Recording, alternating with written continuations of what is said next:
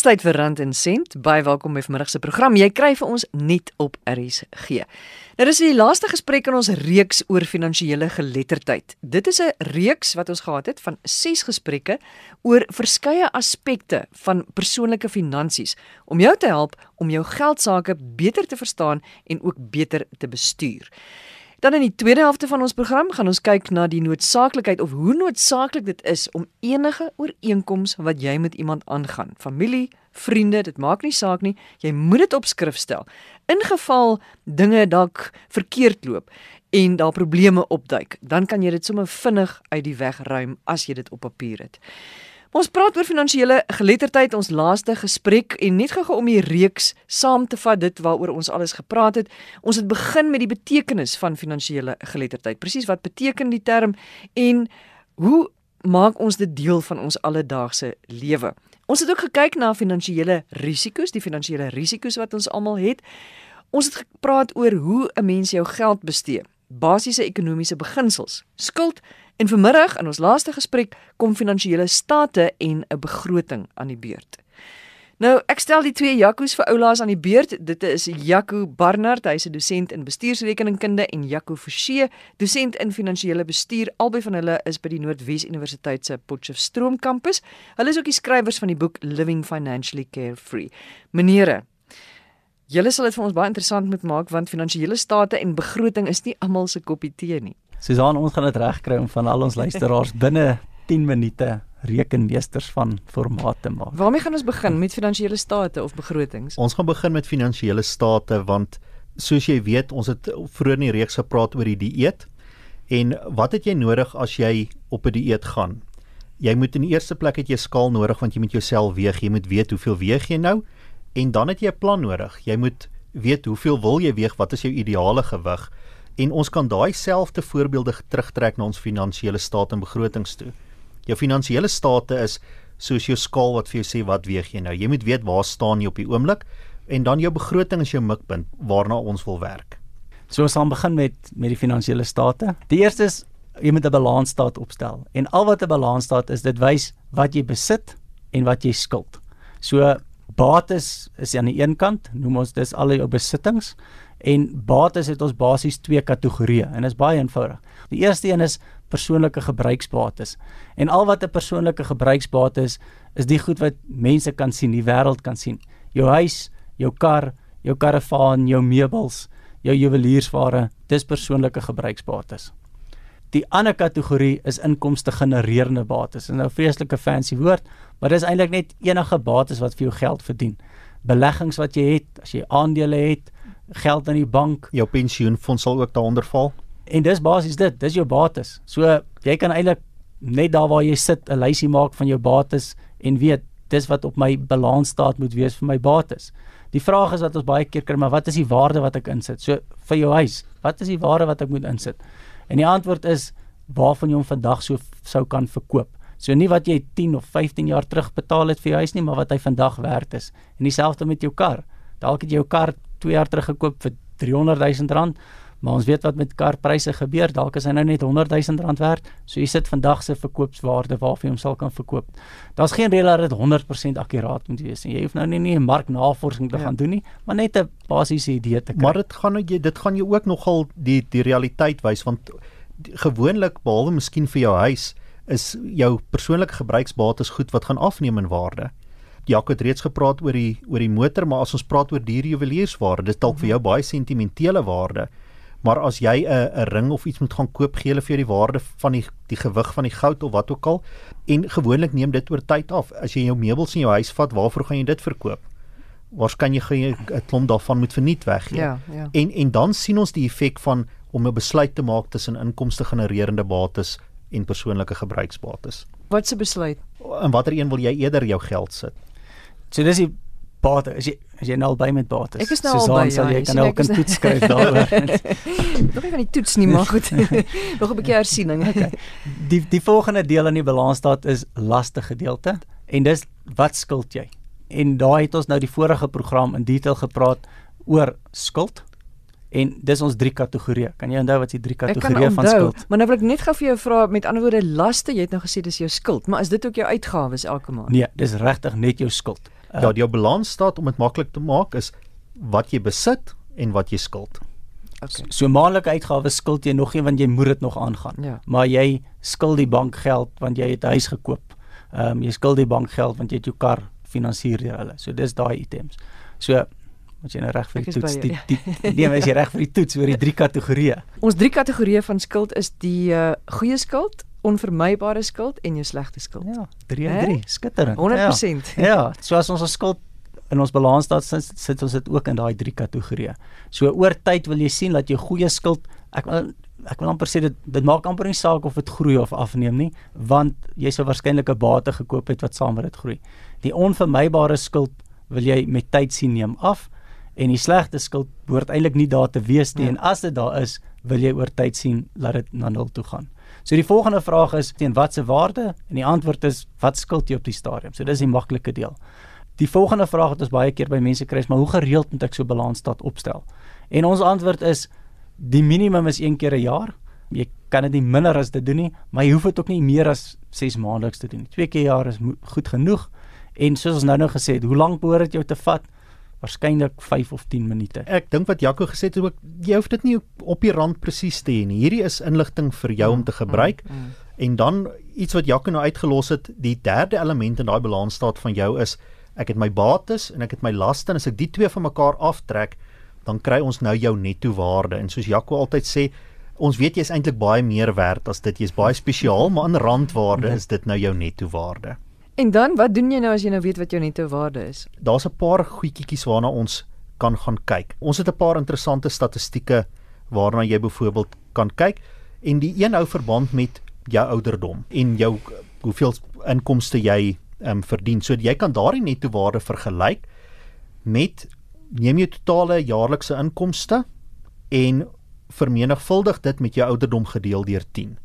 En die bedrag wat jy daar kry, kan jy nou vergelyk met hierdie netto waarde en dit gaan vir jou 'n idee gee of jy besig is om bates op te bou in verhouding met hoe oud jy al is en wat jou inkomste is. 'n Paar ander syfers waarna 'n mens kan kyk om jouself te meet is gaan kyk na die waarde van jou huis waarin jy bly. En ehm um, teoreties behoort jou huis nie meer as 2 keer jou jaarlikse inkomste werd te wees nie. As jou huis dis meer as 2 keer jou jaarlikse inkomste is, dan bly jy moontlik in 'n in 'n huis wat bokant jou verdien vermoë is. En 'n derde riglyn wat ons al gesien het, is dat die maandelikse betaling op jou motor en weer net gesê ons glo mos nou net jy met jou eerste motor op skuld koop, behoort nie meer as 15% van jou netto inkomste te wees nie. So hierdie is 'n paar riglyne om jouself net te meet, is ek op die regte pad om 'n gesonde finansiële stelsel of 'n gesonde finansiële posisie te bereik. So dit is hoekom jy finansiële state nodig het en jy dit vir jouself moet optrek want jy moet weet is jy op die regte plek? Is jy besig om nou in die regte rigting vorentoe te beweeg of moet jy nou 'n rooi ligte sien flikker en 'n bietjie meer moeite doen? Baie beslis. Weerens soos ons gesê het, dis daai skaal Ja, wat vir my die ja, rooi ja, rigte gaan Ja. flikker dat ek oorgewig is en dat hier probleme gaan voorlê vir my. Ons het nou die een deel van die finansiële state gedoen, die balansstaat gedeelte. So Goed. dis die bates en die laste. Goed, So voor ons na die begroting toe gaan, Ja. moet ons eers die inkomste staat doen. En 'n inkomste staat is het ook net twee elemente. Daar's 'n antwoord wat die derde een is. Die eerste een is inkomste wat verdien ek en die tweede een is uitgawes wat betaal ek maandeliks. En mense vra gewoonlik vir ons nou maar hoe stel ek nou so 'n inkomste staat op? Die maklikste is om as jy met alles op 'n debietkaart of met 'n kredietkaart koop is, neem die laaste 3 maande se bankstate en gaan ontleed jou uitgawes. Wat het ek op kruideniers gespandeer? Wat het ek aan klere gespandeer? Wat het ek aan onthaal spandeer? Ehm wat het ek aan brandstof gespandeer? Maar jy het jy gaan 'n bietjie werk moet insit. En as jy met kontant werk, gaan jy dan ongelukkig vir 3 maande waarskynlik jou strokies bymekaar moet hou want ons het gevind dat meeste mense weet nie waarop hulle hulle geld uitgee nie. As ons met iemand sit en gesels en ons maak 'n lysie, dan sê ek gewoonlik met 'n groot glimlag na die tyd vir 'n persoon, "Joeg, maar jy het 2 of 3000 rand per maand eintlik oor as ons hierna kyk." En dan sê hulle maar ons het nie. En dis omdat ons nie weet waarop ons ons geld af uitgee nie. So dis die eerste belangrike punt. En op ons webwerf het ons daar 'n skakel wat ehm um, die luisteraars 'n raamwerk vir 'n balansstaat en 'n inkomste staat kan aftrek om hulle te help om hierdie goed op te stel wat dan sommer 'n bietjie 'n paar kategorieë het wat ons al oor die tyd ontwikkel het. So jy moet jou finansiële state reg hê, jy moet jou bates status, jy moet 'n staat hê vir al jou bates, jy moet een hê vir al jou laste en dan ja. moet jy 'n inkomste staat hê. Ja. Wat jy inkry en wat jy uitgee. Ja, dis basies is jou inkomste staat jou bankrekening. Wat kom in en wat gaan uit. Dit dis dis wat jou inkomste staat is. Laat jy net op die einde van die maand kan sien Ons het die hele tyd gepraat jy moet meer verdien as wat jy uitgee. En hier is net om te meet, is dit wel die geval? Kom maar meer in of gaan daar meer uit? Die die goeie nuus is as jy hierdie werk klaar gedoen het, is die begroting eintlik verskriklik maklik en eenvoudig om op te stel. So kom ons kyk dan na die begroting. Ek dink die eerste belangrike ding van 'n begroting is ons moet weet dat dit sê maar net eintlik in rand en sent wat ons prioriteite is.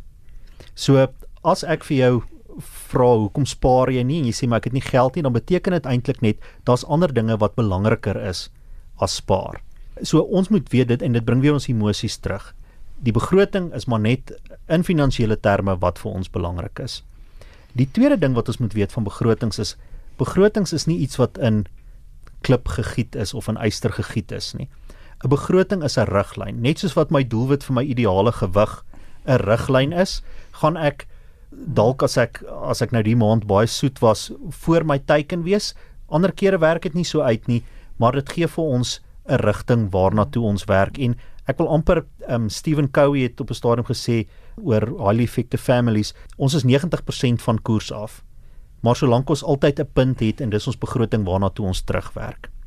So, hoe gaan ek te werk om 'n begroting op te stel? Jy het mos nou klaar jou jou inkomste staat yes, ja. opgestel. Ja. So nou vat jy daardie inkomste staatsyfers en ek gebruik dit as die basis vir my begroting vir die toekoms. En ek glo nog daaraan die luisteraars sal ook sien die die raamwerk wat ons het is dat jy met 'n begroting vir 12 maande opstel op per maand. En die die rede daarvoor is baie eenvoudig want nie al die inkomste kry ons elke maand nie. Sommige maande kry jy dalk 'n bonus. Mense wat vir self werk weet dat sekere maande van die jaar baie besigger is as ons na die uitgawes kyk, party maande betaal ons skoolfonds. Vakansies is nie eenmalig of nie maandeliks ja, nie, ja, so, ja. so dis belangrik om dit in die regte maand te sit want dan kan ek sien maar watter maande van die jaar gaan ek 'n probleem ontwikkel mm. en dat as nie wanneer ek in Junie kom ek agterkom maar nou staan nie geld in die bank nie.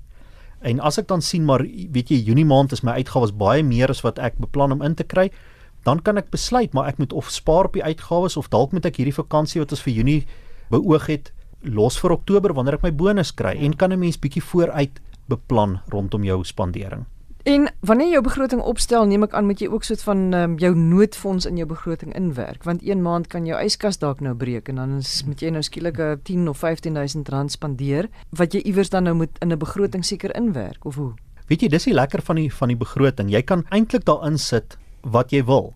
En as jy nie geld het om jou yskas te vervang nie en dit is vir jou iets wat jou laat wakker lê in die in die aand, bou dan 'n gedeelte om te spaar daarvoor in of bou 'n gedeelte in om te spaar vir die vakansie waarop jy aan die einde van die jaar gaan dat jy elke maand 'n 200 of 'n 300 rand so lank lank wegsit daarvoor. Dit is so ek sê, dis die lekkerte van 'n begroting. Daar's nie 'n moets en moenies nie. Jy kan daar inbou wat dit vir jou gemaklik maak. Maar by ouende moet die inkomste meer wees as die uitgawes vir die jaar in totaal. En as jy sien dis nie die geval nie, dan weet jy al proaktief, maar daar's sekere goed wat ek sal moet uithaal daar sekerre opofferings wat ek gaan moet maak anders te gaan dit net nie uitwerk nie. En dan as ons terugkom na wat ons vroeër gepraat het oor ekstra betaal op jou huis, daai 6% wat jy elke jaar jou paaiement mee verhoog, as jy dit gereeld doen, dan wil ek amper sê het jy 'n mate voorsiening getref vir die reënerige dag. As daar iets breek, is daar waarskynlik geld al weggesit in jou verband sonder dat jy spesifiek daarvoor weggesit het wat jy kan gebruik as dit sou iets verkeerd gaan. En wat ek eintlik nog verder sal voorstel is wanneer dit gaan oor hierdie begroting is dit is iets wat 'n uh, as jy enkel lopend is is dit baie makliker jy jy kan dit vir jouself doen maar wanneer jy in 'n gesin is dink ek is dit iets waarby die gesin betrokke moet wees. Mm. Man en vrou moet oor hierdie goed praat nie almal is ewe entoesiasties daaroor nie maar dit dit dwing 'n mens om te gaan sit en gesels en te praat oor oor wat is ons prioriteite waarop gee ons ons geld uit? En ek wil amper sê jy behoort jou kinders ook hierby te betrek sodat die kinders kan verstaan waarom sê ek vir hulle daar's nie nou geld vir 'n vakansie of 'n 'n nuwe TV of iets in daai lyn nie. En en dis ook die plek waar ons hulle kan leer oor hoe om hulle finansies te bestuur. Ek sit en dink nou net daaraan, dit is vir my amper soos 'n reis. Dit is soos om op, op vakansie te gaan. Jy sit saam met jou gesin, julle het 'n padkaart en julle besluit ons gaan nou van die Kaap af Johannesburg toe reis of van Johannesburg af af Kaap toe reis vir die somervakansie. Ons gaan hier stop, daar gaan ons ietsie eet. Nee, ons gaan miskien met ons maar wag om jy weet voordat ons moet nie nou al in Bloemfontein eet nie, ons moet miskien eers in Beaufort Wes eet.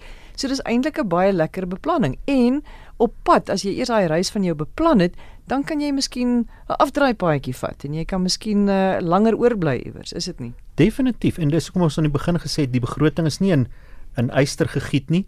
Ek kan hierdie maand besluit maar ek ek wil iets anders doen wat nie in die begroting is nie. Ek moet net weet dan moet ek iets anders te opoffer en dan kan ek dit doen en en dit kan 'n baie aangename ek wil amper sê reis vir die gesin wees sodat ons kan sien maar wanneer ons um, verantwoordelik is dan is daar al hierdie voordele wat realiseer langs die pad en en wat ons kan geniet.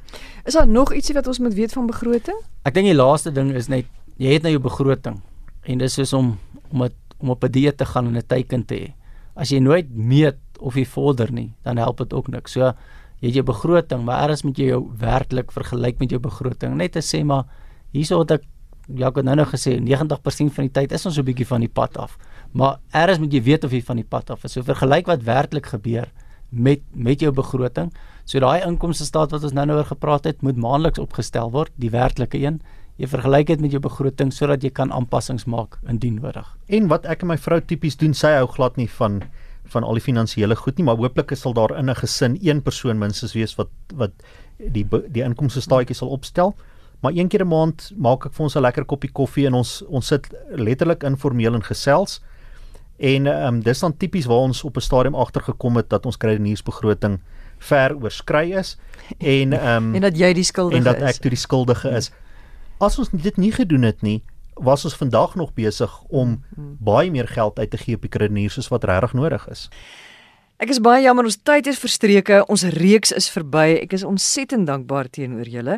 Vir al hierdie inligting wat ons gekry het oor die afgelope 6 weke, Jaco Forsie, dosent in finansiële bestuur en Jaco Barnard, dosent in bestuursrekeningkunde, albei is verbonde aan die Noordwes Universiteit se Potchefstroom kampus en hulle is ook die skrywers van die boek Living Financially Carefree. As jy vra het, stuur asseblief vir my e-pos en ek gee nou my persoonlike e-pos want daar's blykbaar probleme met die RSG e-pos. Dis stein se by gmail.com. En as jy weer wil gaan luister na hierdie reeks, as jy miskien dit gemis het of van die gesprekke, jy kan dit gerus weer doen. Dit is waardevolle inligting wat daar is vir jou heeltemal gratis en verniet om te gaan aflaai of weer te gaan luister. Gaan na www.rsg.co.za. Rena Trieter is 'n assosiaat prokureur by Dingley Marshall en sy sê as prokureur wat al verskeie sake in die verband moes hanteer, voel sy baie sterk oor die opstel van 'n behoorlike kontrak vir enige ooreenkoms wat jy met iemand aangaan. Ja, want ons weet baie keer besigheidstransaksies word met handskip op die golfbaan gedoen of oor 'n paar drankies na werk en dit is baie keer 'n verbale ooreenkoms wat jy met 'n vriend aangaan. En hierdie tipe transaksies werk totdat dit nie meer werk nie. Want dinge kan baie vinnig verkeerd gaan en dit lei dan tot die verbrokkeling van verhoudings, maar ook ooreenkomste en selfs besighede op die einde van die dag. En skielik sit jy met 'n situasie van geheueverlies, sekere voorwaardes wat blykbaar nooit tot toegestem is nie. En die eerste ding wat 'n prokureur vir jou gaan vra as jy hulle gaan sien, is het jy dit op skrift gekry? Baie moeiliker om jou belange te beskerm en jou regte af te dwing as jou ooreenkoms en die terme daarvan nie op skrif is nie. As jy jou ooreenkoms op skrif sit, weet albei partye tot die ooreenkoms in baie duidelike terme wat daarvan hulle verwag word en spesifiek wat er ingekom is en wat nie. Dit sal ook dan uiteensit wat gebeur as iemand nie sy pligte nakom nie of as jy die ooreenkoms wil beëindig vir een of ander rede. 'n Verbale ooreenkoms aan die ander kant is altyd 'n risiko. Mense verander, herinneringe vervaag en ons weet mense kan baie ontrou wees. En as jy dan probeer om 'n verbale ooreenkoms na hof af te dwing, gaan daar altyd twee weergawe van die storie wees. Jou woord teen iemand anders in en dit gaan moeilik wees om 'n regter of 'n landdros te oortuig watter weergawe is nou die korrekte een. As jy nie hierdie bewyse op skrif het om te sê spesifiek wat was ooreengekom en wat was die terme nie. So wanneer kan 'n mens dan nou maar 'n verbale ooreenkoms maak? Want partykeer dan dink jy, ag, jy sou dis nou nie so ernstig nie. Ek het nie nou lus om met pen en papier te kom nie of baie keer is dit 'n goeie vriend of familielid van jou. Ja, en dit is die situasie wat baie mense hulle self in bevind. Hulle dink dit is nie nodig nie. Ek ek gaan dalk nie hierdie is my goeie vriend. Ek gaan nie met hom stry oor enigiets nie.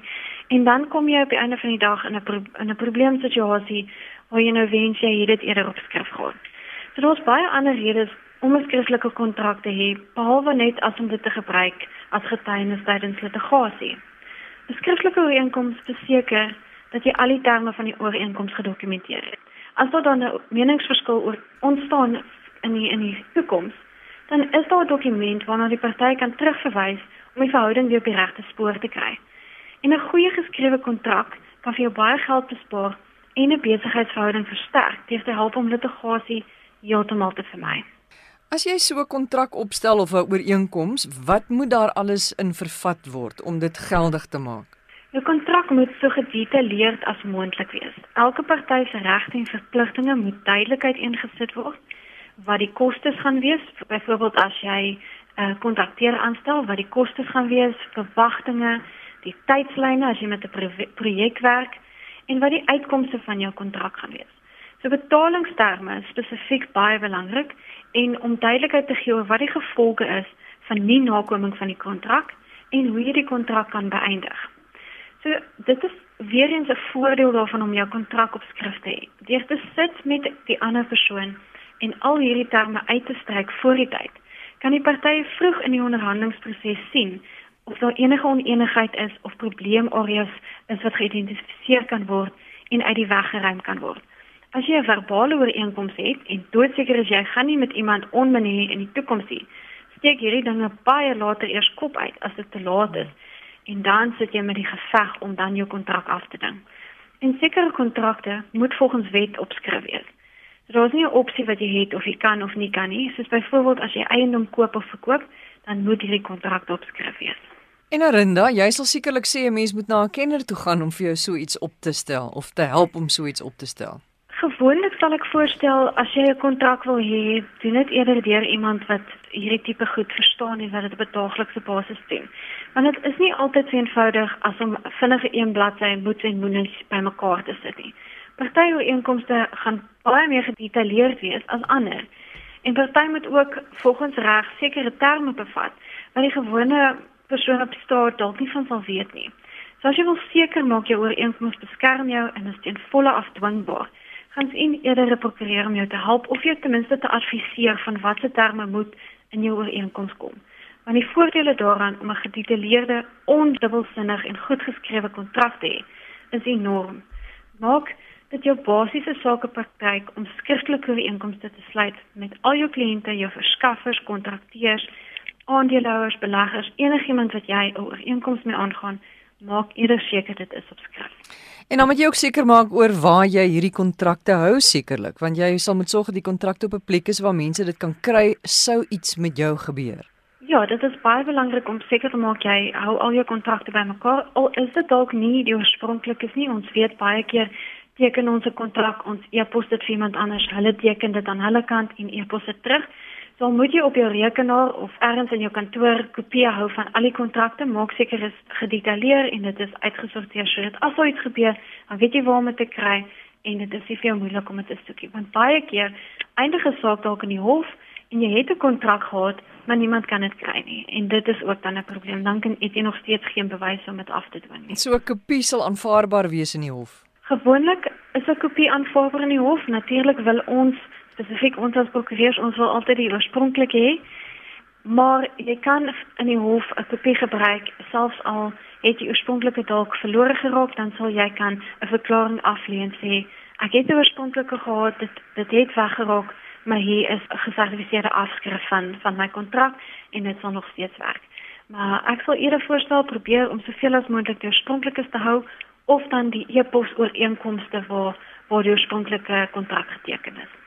Baie dankie. Dit was Arinda Trieter. Sy is 'n assosiaat prokureur by Dingley Marshall. Onthou al ons gesprekke beskikbaar by www.rsg.co.za. Jy kan dit gaan aflaai as 'n potgooi daar. Jy kan vir my enige vrae of voorstelle e-pos asseblief. Ek wil graag van jou hoor.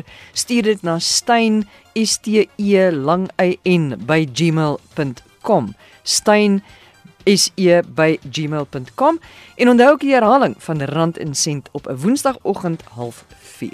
Sukses vir die week wat voorlê. Ons praat volgende Sondagmiddag 5:00 verder. Totsiens.